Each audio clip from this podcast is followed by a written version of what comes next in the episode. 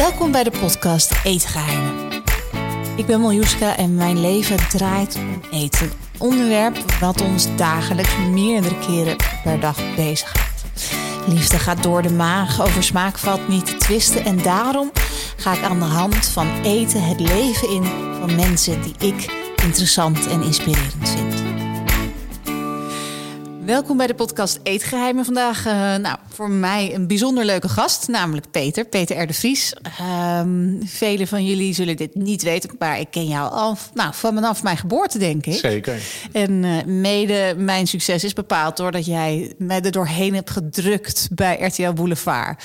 Uh, leuk dat je er bent, we gaan het daar straks over hebben. Maar we gaan vandaag via eten jouw leven in. Dat vind ik heel grappig. Ja. Want zo ken ik jou dus niet. Um, wat heb je vandaag tot nu toe gegeten? Ik ben vanmorgen begonnen, zoals eigenlijk elke morgen, met een uh, bordje Brinta. Oh, echt? Ik maak altijd uh, Brinta, warme, warme Brinta. Dat is uh, ja, heel voedzaam, makkelijk. Je hebt het altijd in huis. Ik heb een paar van die pakken in de kast staan. En uh, daar begin ik altijd mee. Ook omdat ik uh, s'morgens uh, vaak ga sporten daarna. En dan is Brinta iets wat fijn op je maag ligt, wat snel opgenomen wordt en, en heel gezond is natuurlijk. En dan met melk of water? Met melk. Ah, melk. Ah. Maak ik in de magnetron heet. En dan de Brinta er doorheen roeren. Dat het net niet te dik wordt, hè, want anders uh, het, het, dan wordt het gauw beton. Ja, ik ja. voel een, voel een Brinta-deal aankomen. ja. Na deze podcast, daar word jij het nieuwe gezicht van. En um, je hebt het over sporten. Ik weet, jij bent heel sportief en je let ook altijd... je vindt het belangrijk om goed in je vel te zitten. Wanneer is dat begonnen? Heb ik eigenlijk mijn hele leven gehad. Ik uh, herinner me dat ik als jongen van acht jaar echt dagelijks al buiten voetbalde, sportte, hard liep. Uh, ja, dat dat bela belangrijk was. Ik was ook altijd heel goed in gymnastiek op school. Altijd standaard een negen op mijn rapport. Terwijl de andere cijfers nog niet eens de helft waren, weet je wel. En, dus ja, laat ik zeggen, fysiek iets doen, presteren. Dat heeft altijd in me gezeten. En uh, ja, dat blijf ik tot op de dag van vandaag ook belangrijk vinden. Als ik, ja, als ik niks meer kan, ja, dan, dan, uh, dan ben ik weg, zeg maar. En dan, uh, dan houdt het op. Ja, ik heb wel eens het gerucht gehoord, en ik weet dus niet of het waar is, dat jij uh, was gevraagd voor Expeditie Robinson. Ja. En dat je toen zei: Oké, okay, maar kan ik dan uh, wel mijn eten inrichten zoals ik wil en mijn sportpatroon stellen? Ze nee, toen zei je, nou dan bedank ik. Ja, ja het, het, dat klopt. Ze hebben me een aantal keren gevraagd. En de, maar de belangrijkste reden dat ik ben afgehaakt, is dat je dus niet genoeg te eten krijgt. Ja. En uh, ik weet van mezelf, als ik niet, niet genoeg te eten krijg ja, dan, uh, dan, dan is het niet leuk meer. Dan word ik ook zaggerijnig en uh, ja, dan uh, functioneer ik niet goed. En zeker als je dus ook fysiek moet presteren, dan moet er wel energie in. En ik snap wel dat het natuurlijk onderdeel van het programma is dat je dat dan juist niet krijgt. En dat ze het ook wel leuk vinden als je dan een beetje narrig wordt naar andere mensen. Is ja. aardige tv misschien. Maar ik had wel zoiets, nou ja, de jongens, dat wil ik een dag wel doen. Maar niet uh, misschien twee of drie weken lang uh, op, op een houtje bijten. Uh, dus of jullie geven me goed te eten of ik ga niet mee. Nou, dus ging ik niet mee. Nee, het is ook zo dat mensen die terugkomen... Hè, zijn echt getraumatiseerd ja. als het gaat om eten. Die komen, ja. die, die komen dan daarna weer heel veel aan. Verliezen haar, organen vallen soms uit. Het is echt geen grap. Ik heb gehoord van mensen inderdaad... dat die wel tot zes weken, zes, acht weken moesten herstellen... eer ze weer helemaal de oude waren. En daar had ik ook geen zin in. Nee. Want uh, ik denk, uh, dat, dat kost me te veel en uh, dat ga ik niet doen. Hou jij van eten of is het iets wat gedaan moet worden? Zie je het als benzine of als uitje? Nee, ik, ik hou wel echt van, van eten, van lekker eten. Ik ga graag naar goede restaurants. Ik vind het heerlijk als er uh, heel goed voor me wordt gekookt. je, begrijpt, je hoort de nuance, hè? Ja. En, uh, maar ik moet ook zeggen, als ik het allemaal zelf moet doen, uh, dan ben ik eigenlijk vrij sober en makkelijk. Want dan kost het me te veel tijd en moeite. En, ja. dus ik kook eigenlijk nooit voor mezelf. Het enige wat ik wel eens doe, is dat ik iets opwarm. Maar dat is natuurlijk wat anders dan koken. En verder eet ik heel veel buitenshuis in de studio en, en, en noem maar op. en, bij eh, Boulevard natuurlijk bij altijd. Boulevard. En, uh, ja, dus, en wat ik ook zonde vind, is dat, dat als ik dan in het weekend boodschappen doe en ik dan van alles in huis haal. En ik dan vervolgens maandag, dinsdag, woensdag, donderdag boulevard heb. Dat Ja, weet ik ja, vaak ja. niet van tevoren. Ze bellen me vaak op de dag zelf. En dat ik dan op vrijdag de ijskast open doe en, en, en alles in de prullenbak moet mieteren. Weet je, dan, Ja. dat, eh, ja, dat, dat vind ik ook niet fijn. Dus ehm, ja, ik, ik kook gewoon niet veel eh, voor mezelf. En hoe ben jij dan opgegroeid met eten? Was dat binnen jouw familie echt een ding waarnaar je hunkerde? Of was dat vrij recht toe, recht aan? Nou ja, ik ben natuurlijk al wat ouder. En, eh, ik kom, Nee, zou je niet zeggen, Ja, ik kom uit een gezin met zes kinderen. Eh, hè, en eh, laat ik zeggen, ik, ik ben van 56, 11 jaar na de oorlog. Nederland was in opbouw. Was natuurlijk nog niet zo dat we magnetrons hadden en, en eh, dat er heel exotisch werd gekookt. Hè. Dat, dat, was er allemaal niet. Macaroni was al heel bijzonder, eh, zeg maar. En mijn moeder moest gewoon elke dag voor acht mensen ja, eh, de, de, de, tafel eh, vol zien te krijgen.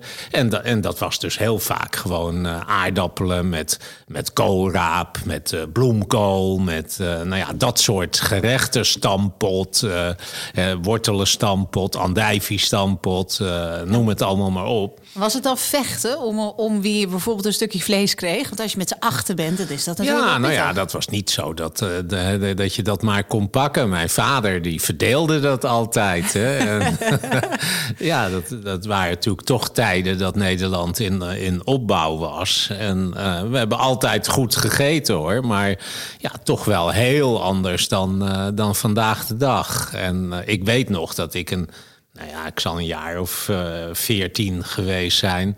Ja, dat, dat, je me, dat ik merkte dat de kookstijl van mijn moeder begon te veranderen. Dat we vaker spaghetti, rijst, macaroni, dat soort dingen gingen eten. En, maar voor die tijd was het zeg maar Hollandse pot met een, met een gehaktbal en een, en een eh, speklapjes en, en, en, en, en, en, eh, draadjesvlees hè, Hij is toch op, op ook zondag. heerlijk? En eh, ja, dat, soort dingen. Dus, En kon je je dan op één gerecht specifiek verheugen? Want ik heb bijvoorbeeld, nou jij kent mijn oma, Stien.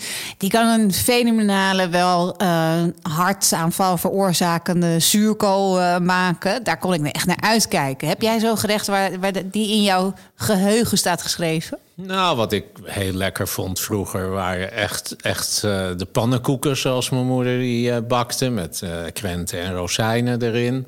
Ehm, en wat ze ook altijd deed, was zelf appelmoes en rabarber maken. En, eh, en de rabarber van vroeger, die, ja, die kan ik niet meer in potjes krijgen. Ik, ik koop nog wel eens een potje bij, eh, bij de supermarkt. Maar dat smaakt toch niet zo zoals mijn moeder dat toen, toen maakte. En dat vond ik wel heel lekker, rabarber. eh.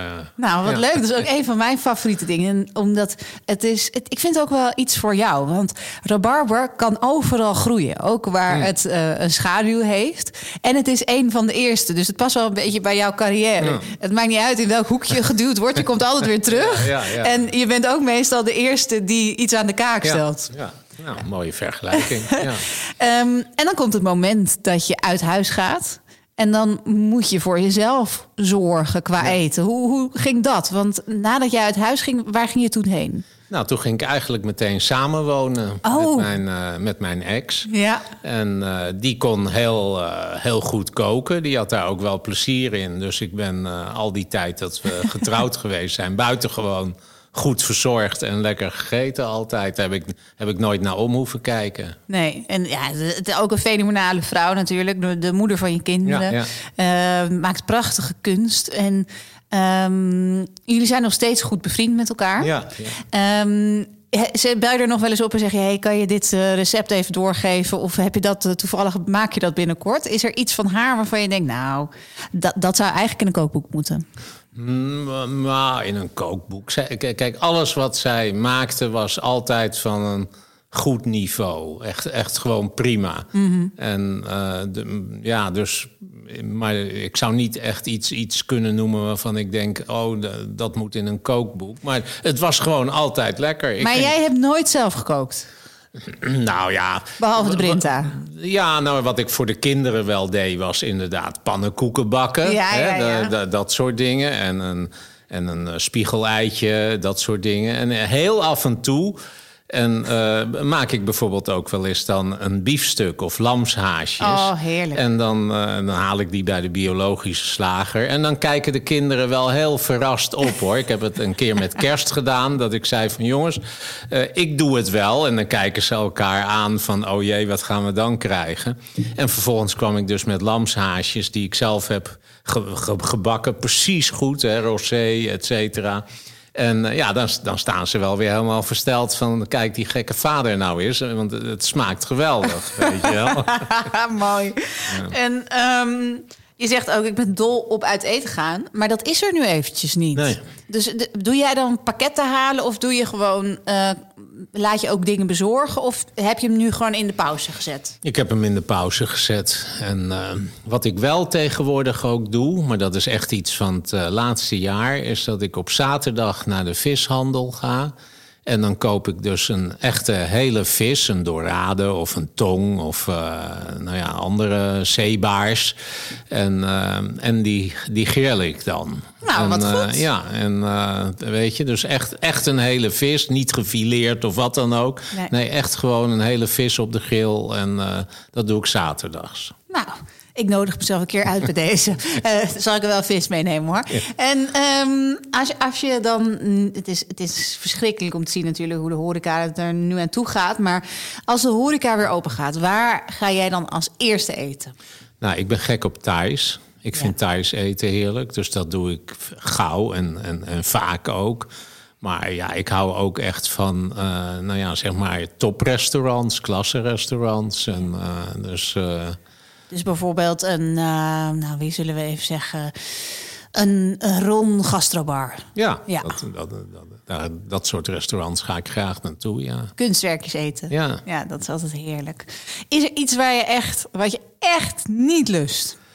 Nee, ik, ik lust bijna, bijna alles. En ik, als, als jongen, als kind, was ik vroeger vrij kieskeurig. Toen vond ik bijvoorbeeld wild niet lekker.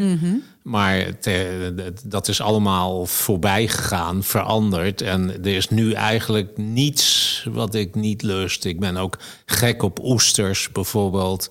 Eh, nou ja, vis, mosselen, noem het allemaal maar op. Dat eh, Aziatisch vind ik, vind ik heerlijk. Dus er is heel weinig eh, wat je mij kan voorzetten waarvan ik zeg, nou, dat, dat, dat, dat hoeft niet zo.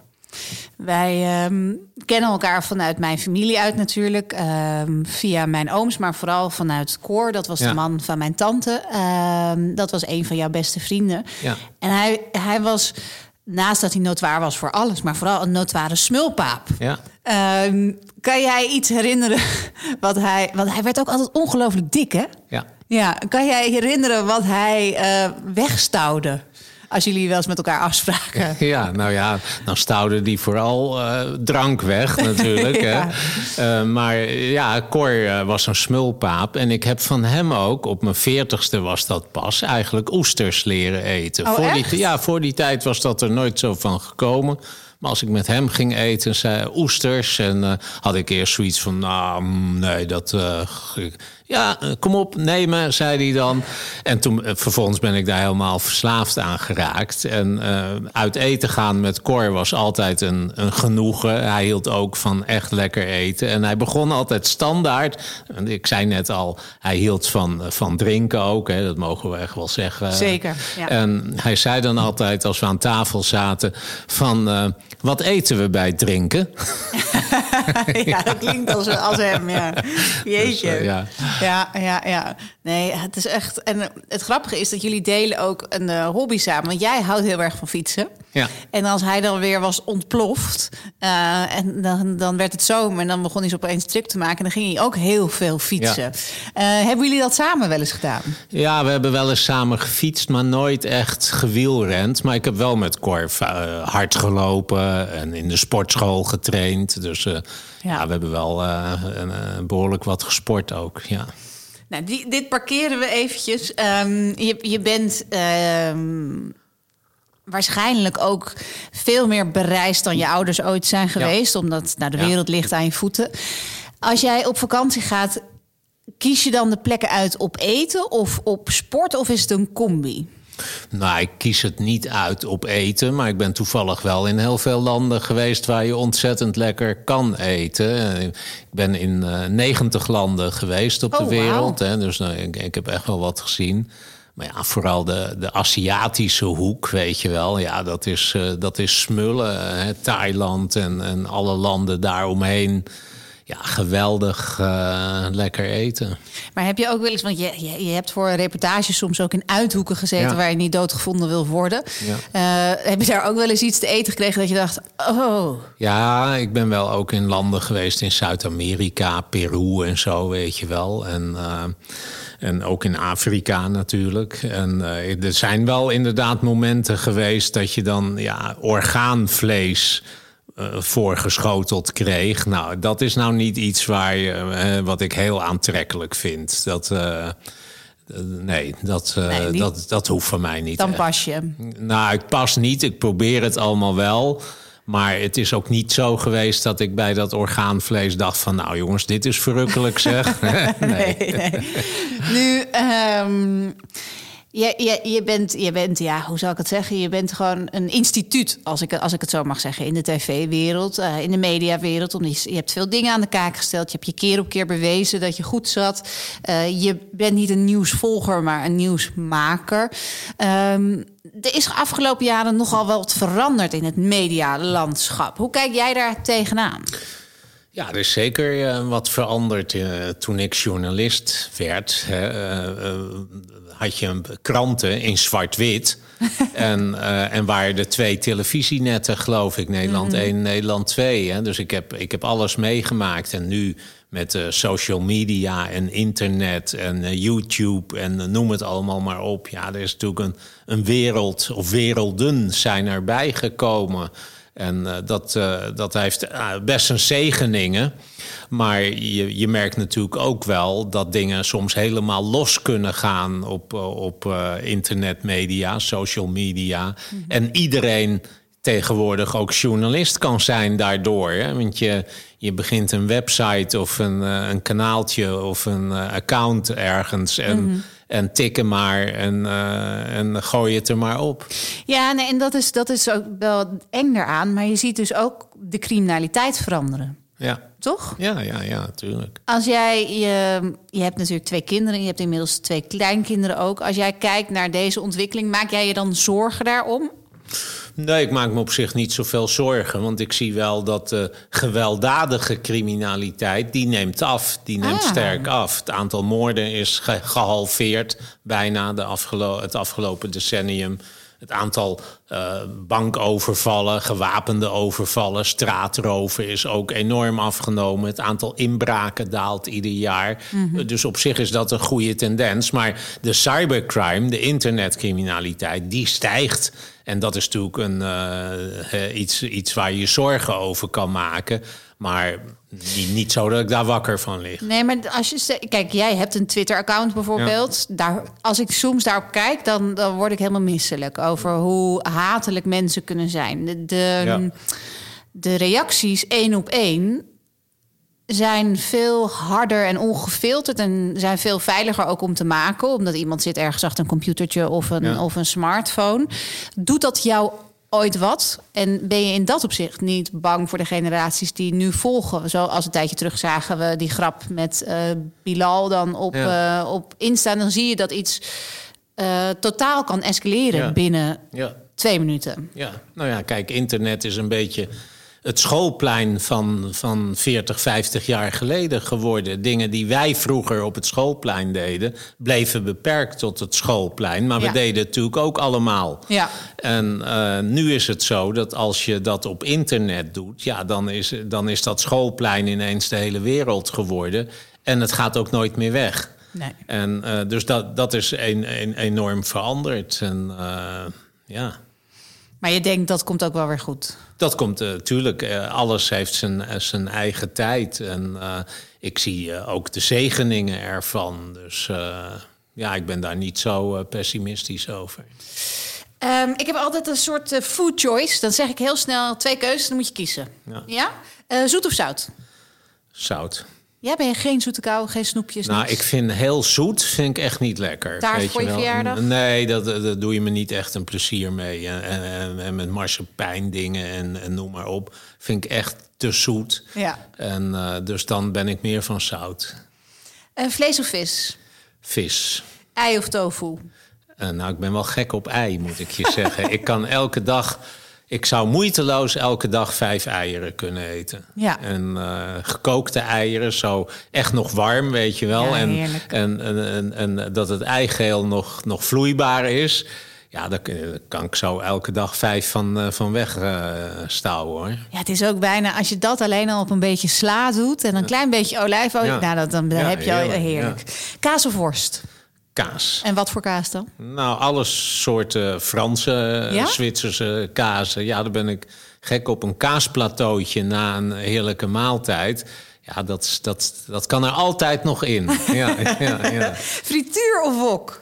Um, nou ja, laat ik zeggen, ik wok eigenlijk meer. Maar ik ben ook wel een stiekeme liefhebber van dingen die gefrituurd zijn. Ik vind bijvoorbeeld patat heel erg lekker. Ja, mega. Uh, ik zou het liefst elke dag wel een zak patat eten. En dan wel met welke saus? Satésaus. ja, ja, ja, ja, ja. Um, stampot of buitenlandse kost? Ja, buitenlandse kost. Uh, gezond of vet? Gezond. Vegan of vegetarisch? Ja, daar heb ik niet een uitgesproken voorkeur in. Als het lekker is, vind ik het allebei oké. Ik, ik moet je zeggen, ik ben, ik ben echt veel, veel minder vlees gaan eten dan vroeger. Ik ben, nou, ik ben natuurlijk opgevoed wel met uh, elke dag aardappelen, groente, vlees. Hè, de, zo ben ik opgevoed. En op een gegeven moment ben ik echt veel minder gaan eten. Omdat ik ook inzie het is niet goed. Het is voor het milieu en het klimaat niet goed. En dus uh, eigenlijk is het zo dat ik alleen nog maar vlees in een restaurant eet. En uh, thuis vaak uh, niet. Ja, of dat biefstukje met kerst. Of dat biefstukje met kerst, ja, precies, dan wel. Ja. Cake of taart? Cake. pizza of pasta? Pasta. Koud of warm eten? Warm. Met of zonder alcohol? Nou, ik, ik drink heel weinig, moet ik je zeggen. Ik heb, maar dat heeft ermee te maken dat ik ook een sportman ben. En dat ik ook wel vind dat een gezonde geest zit in een gezond lichaam. En als je dit werk doet wat ik doe, gaat dat niet samen met elke avond de fles pakken of in de kroeg hangen. Dat, en dan, dan had ik hier al niet meer gezeten. Dan Nee. was, ik, eh, was ik inmiddels opgebrand, afgebrand geweest. En uh, ik heb dus als stelregel dat ik door de week niet drink. Ook al ben jij jarig, ook al is er een feestje, ook al teken ik een contract. Ik drink niet door de week. En in het weekend vind ik het dan lekker en leuk. Dat ik zeg, ah, vanavond lekker glaasje gin tonic of zo, weet je wel. Ja, of een ja. wodkaatje hou ik van, of, een, of rode wijn. En dan voelt dat ook een beetje als jezelf verwennen. Ja. Maar ik ben er dus heel selectief mee. Ook omdat ik niet meer wil opstaan met het idee van... oh my god, zeg, ik heb gisteravond uh, heb ik hem te, te, hard geraakt... en ik, ik ben de halve zondag brak. Ja, dat nee. is zonde gewoon. Ja, ik wil uh, zondagochtend wil ik om negen uur op de racefiets zitten... en dan, ja, dat, dat past niet bij een kater. Je zegt, uh, dan was ik nu al lang opgebrand geweest. Maar als ik zie waar jij op dagelijkse basis... en ik, ik weet natuurlijk echt van nog maar een, de, de oppervlakte van wat er speelt. Uh, want ik zie, net zoals de anderen in de media, ja. wat jou bezighoudt. Uh, ik zou allang opgebrand zijn. Heb je wel eens momenten gehad dat je jezelf hebt moeten herpakken... Want ik denk dat voor bijna iedereen van mijn generatie en daaronder het vrij moeilijk is om ja, de focus te houden en dus niet te veel te werken of te veel je te laten meezuigen. Nou ja, dat is het gevaar inderdaad wel. Hè. Ik, uh, ik denk dat ik in mijn leven wel eens dicht tegen een burn-out heb aangezeten. En uh, een van mijn problemen is een gebrek aan vrije tijd. Ik gun mezelf te weinig ontspanning, te weinig vrije tijd. Ik ga te weinig op vakantie. En uh, ja, dat is iets om, omdat je, ja, je zou kunnen zeggen dat mijn werk is een beetje mijn leven geworden, is een, is een lifestyle geworden. Mm -hmm. En uh, het punt is natuurlijk ook dat overal waar ik kom, uh, spreken mensen mij aan als uh, Peter R. de Vries, de, de misdaadman die daar ja. alles van weet, en leggen hun problemen bij je neer, vragen of je hulp kan bieden, et cetera. Dus je, je kan het niet uitzetten meer. Nee. En, uh, en nou ja, dat, uh, dat is best wel eens iets waarvan je denkt, ja, het gaat alsmaar door. En zoals nu met corona ook, hè, je, je kan niet weg en je mag niet weg. Ja, dan, dan constateer ik natuurlijk wel dat ik eigenlijk alleen maar zes dagen in de week aan het werk ben. En, uh, en Waaraan merkte je dan dat je tegen, ja, tegen je tax aanliep? Nou ja, dat je natuurlijk super lange dagen maakt. Kijk, ik ben nu uh, 64. Echt? Uh, ja. En, uh, ik, maar het is voor mij heel gewoon, echt, echt doodgewoon... om 12 uur per dag te werken. En heel mm -hmm. vaak loopt dat wel uit tot 14 of 15 uur ook. Ja. He, zeker als je dan s'avonds nog eens bij Jinek of bij Bo of wat dan ook zit, ben je pas om half één thuis. Dus uh, ik maak hele lange dagen en nou ja, met zware zaken natuurlijk ook. Hè. Het is niet dat je zegt van nou jongens, uh, hiep hiep hoera, wat hebben we weer, wat leuks en, en noem maar op. Nee, het zijn zaken van leven en dood die ook met je gemoed iets doen, met dat, je emoties. Dat en, lijkt mij het uh, moeilijkste, ja. dat het, je, je, je kan het niet loslaten, toch? Nee, en dus is het wel eens voorgekomen dat je hè, na zo'n hele drukke fase met spannende dingen ook. Um, ja, dat je dan aan het eind wel even uitgeteld uh, bent en je ook even opgebrand voelt. En dat je merkt dat bijvoorbeeld je, ja, je misschien een wat korter lontje krijgt. Dat je wat minder geduld met dingen hebt. En dat je denkt, nou, ik moet nu wel even, even relaxen, want uh, zo gaat het niet goed. Was het voor jou makkelijker toen de kinderen klein waren? Want dat merk ik. Des te ouder de kinderen worden, des te meer ze hun eigen ding kunnen gaan doen. Dat ik denk, nou, dat komt allemaal wel goed. Maar in het begin word je een soort van ingezogen. En dan moet je dus wel tijd vrij plannen. Ja. Nou ja, dat, dat, dat is wel zo, ja, denk ik. Dat herken ik wel. Ik weet wel dat ik bijvoorbeeld op uh, zaterdag was voor mij heilig dat ik altijd naar de voetbalwedstrijd van mijn zoon ging. He, en uh, dan reed ik ook altijd he, naar uitwedstrijden en zo. Auto mm -hmm. vol met van die jongens. en uh, ja, dat was dan heilig. Ik kan me wel herinneren dat ik ook uh, buitenlandse reizen een dag heb verschoven omdat mijn zoon moest voetballen op zaterdag ja, en ik die wedstrijd wilde zien. En dat was natuurlijk eigenlijk heel gezond dat je dat deed. Dat je, dat je niet zei van, nou ja, jongens, we, vooruit, we vertrekken gewoon op, uh, op zaterdagochtend. Maar dat ik dan, dan toch even dat inbouwde en zei, nee, alles is goed, jongens, maar we vertrekken pas zondagochtend. En dan zei ik er niet bij, want ik wil die wedstrijd van mijn zoon zien. Hè, want dan vonden ze dat natuurlijk net een beetje too much. Maar ja. dat was wel de reden. Ja, ja. mooi. Ja. Nu, um, nu, nu zei ik het al aan het begin. Jij hebt een cruciale uh, rol gespeeld in mijn carrière. En uh, dat heeft te maken met RTL Boulevard. Ik heb dat op mijn manier ja. beleefd. Maar ik ben heel benieuwd hoe jij dat hebt beleefd. Ja, nou ja, de, als je het goed vindt dat ik dat vertel. Ja, ja, ja, kom maar door. nou ja, de, de, wij kenden elkaar natuurlijk. En uh, jij zat toen in een fase dat je, nou ja, je, had kinderen gekregen. De, de dingen die je deed waren een beetje opgedroogd en tot stilstand gekomen. Je vroeg je af, wat kan ik? Het was een tijd waarbij het toevallig ook net niet makkelijk was... om ergens weer een voet tussen de deur te krijgen. Maar ik kende jou natuurlijk en ik, ik, ik had gezien wat je, wat je in het verleden had gedaan. En ik weet wat je kan en dat je slim bent en noem maar op. Dus toen zei ik van, nou ja... Het, jij moet bij Boulevard als deskundige aan de desk zien te komen. Maar ja, dat is natuurlijk makkelijker gezegd dan gedaan, want Precies. dat wil de halve wereld wel. en uh, nou ja, dus ik heb dat toen bij Boulevard voorgesteld. En je moet dat natuurlijk ook altijd een beetje voorzichtig doen. Hè? Want op het moment dat ze denken van... oh, die zit uh, een kennis van hem te pluggen dan, dan gaan ze het juist niet doen. Hè? Dus je moet, dat, je moet daarin laveren. Je moet dat heel subtiel doen. Nou, en uh, zo, ben ik daarmee begonnen. Door af en toe terloops te zeggen van... Uh, zou het niet een idee zijn? Of uh, nou, ik weet misschien... Nou, en op een gegeven moment was het zo dat, er, dat ik hoorde dat ze wat screentests gingen doen met andere mensen. En, Op het gebied van food, hè? ja, ja, en toen heb ik gezegd: jongens, eh, probeer nou eens even die Miljuska. Dat is, dat is gewoon eh, dat is een hele goede, vrolijke meid. Eh, we- doet, doet het, kan het en, en, en noem maar op. En eh, nou ja, toen hebben ze dat gedaan. En, eh, maar goed, ook daarna was het nog wel een tijdje onzeker en stil. En, en bleef ik dus maar eh, Pushen. pushen en Ja. duwen. En ik had echt werk nodig, want ik was Ja, natuurlijk ja, net weg ja, bij ja, mijn dat man wist en al, al dat drama. Dat wist ik ook, En, en toen op een gegeven moment ben je volgens mij nog naar de hoogste boom gegaan binnen, RTL. En toen heb je gezegd, ik snap het gewoon niet. Ja, ja, ja, ja, ja. Ja, ik, echt wel. eh, Ik heb er wel echt mijn best voor gedaan. Ja, echt. Dus dank je wel daarvoor. Echt ontzettend bedankt. Ehm, het leuke is dat wij gaan eh, naar aanleiding van dit gesprek een recept op jou bedenken. Ja. Eh, ik denk dat het misschien wel een soort Thaise biefsalade moet worden. Dus die eh, ga ik je toesturen en dan hoop ik dat je hem een keer gaat Oh, maken. nou, leuk. Ik wil je heel erg bedanken voor je tijd, want ik weet dat die eh, schaars is. En ehm, ik hoop dat je nog een paar keer de media kan opschudden... zoals ik van je gewend ben de komende jaren. Bedankt dat je er was, Peter. Oké, heel graag gedaan.